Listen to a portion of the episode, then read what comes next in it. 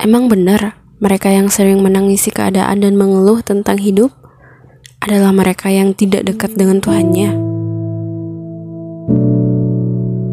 Pernah muncul satu video di video FYP aku di TikTok. Seorang yang bilang saat berdoa itu nggak perlu realistis, nggak perlu menggunakan logika, nggak perlu menggunakan nalar. Hmm, dan aku sangat setuju dengan pernyataan itu. Karena logika manusia itu sangat terbatas untuk menemukan solusi. Makanya kalau dia tidak punya tempat untuk mengadu dan bersandar, manusia akan lebih mudah putus asa, mudah menyerah, bahkan mudah memilih keputusan untuk mengakhiri hidup. Hanya karena permasalahan yang menurutnya buntu gak ada jalan keluar. Tapi, apakah mereka yang sering menangisi keadaan adalah mereka yang tidak dekat dengan Tuhannya? Jawabannya belum tentu. Karena bahkan Nabi Yakub alaihissalam pernah menangis sampai matanya tidak bisa melihat saat beliau kehilangan anaknya Nabi Yusuf alaihissalam. Dan hal itu terjadi bukan karena Nabi Yakub tidak dekat dengan Allah, tapi karena kesedihan adalah wajar dan fitrah manusia.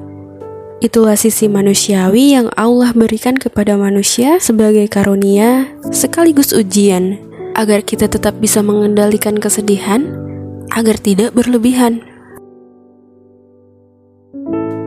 Nalar manusia itu sangat terbatas hanya pada apa yang bisa kita lihat, kita dengar, dan kita rasakan. Kita hanya bisa memprediksi masa depan, tapi untuk tahu kepastiannya adalah hal yang mustahil bagi kita.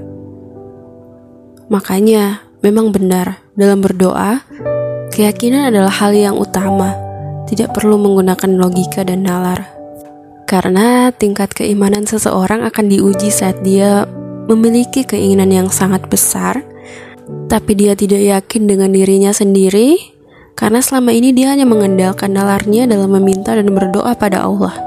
Jadi saat dia dihadapkan pada hal-hal yang di luar nalarnya, di luar akalnya, maka dia akan mulai meragukan kekuatan Sang Maha Kuasa.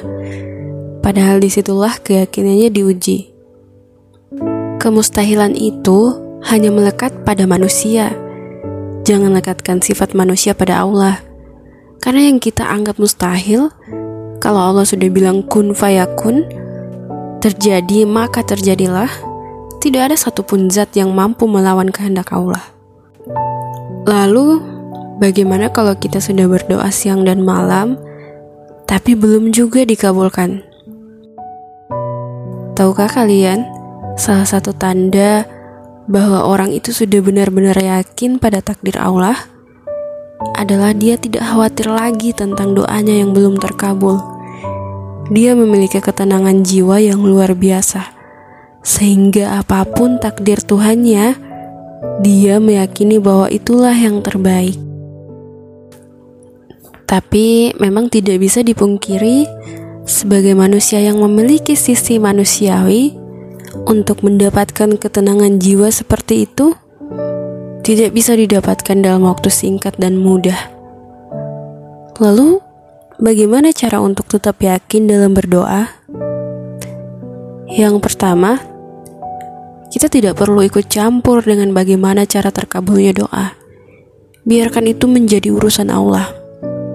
Karena sekali lagi dengan keterbatasan kita dalam melihat masa depan akan membuat kita ragu kalau terus-terusan ikut campur pada proses terkabulnya doa. Tugas kita ikhtiar dan berdoa.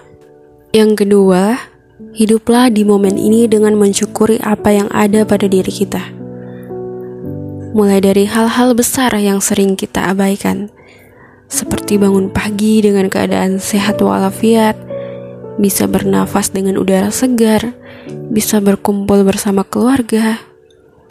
Perhatikan dan rasakan semua nikmat Allah yang selama ini kita sepelekan. Itu semua adalah nikmat besar yang kalau seandainya Allah tiba-tiba tarik, akan mengubah kehidupan kita 180 derajat. Maka hiduplah di momen ini dengan mensyukuri semua itu. Yang terakhir, jangan bertanya kapan akan terwujud Ya Allah, aku sudah berdoa, tapi kenapa belum terwujud? Aku sudah berusaha sekuat tenaga, tapi kenapa belum dikabulkan? Berdoa seperti itu sudah termasuk doa yang tergesa-gesa. Allah lebih tahu kapan waktu terbaik, maka serahkan saja pada Allah. Buah dari keyakinan adalah ketenangan jiwa. Jadi, kalau sudah mengaku yakin, kenapa masih khawatir?